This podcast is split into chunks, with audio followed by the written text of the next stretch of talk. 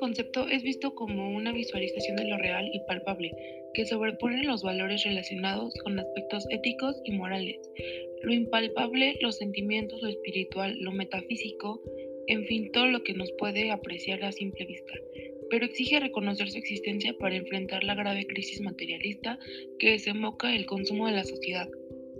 Las personas están dispuestas a arriesgar sus vidas para ir a un mall, llegando a emocionarse y en algunos casos a aplaudir la apertura de estos centros comerciales, como si fueran a comprar elementos que contribuyen a su felicidad, confundiendo la gran distancia que existe entre la necesidad y el deseo, creando una falsa normalidad. Desde el punto de vista simbólico, la apreciación de lo material enseña que el ser humano debe aprender que el mundo material y el terrenal respeta la opulencia que debe ser en lo posible controlada. Según Buaman, consumir es invertir en la propia pertenencia de la sociedad. El propósito fundamental y decisivo del consumo es elevar el estatus del consumidor al de un buen bien de cambio. Esto no quiere decir que el consumo y lo material sea malo y conduzca siempre al lado oscuro de una sociedad o de una persona, sino que simplemente se puede reflexionar acerca de la importancia que tiene que considerar con sentido de equilibrio lo material e inmaterial, siendo este último constituye como un componente fundamental para garantizar la existencia de valores éticos de manera mucho más amplia lo que consecuentemente podrá tener eco en la trascendencia que puede alcanzar una persona, llegando a influir de manera concreta en el entorno donde se desenvuelve. Lo material simbólicamente se asocia a lo que muestra hacia afuera. La riqueza exterior, lo palpable, lo demostrable monetariamente, lo valorable en términos terrenales y en general las pasiones humanas que se apega a lo visual y placentero, más que al cultivo de valores apegados a la ética de las personas. La satisfacción de un deseo efímero más que a una necesidad real el cual está íntimamente relacionado con aparentar y sobreestimar los bienes para sentir un falso algo de bienestar.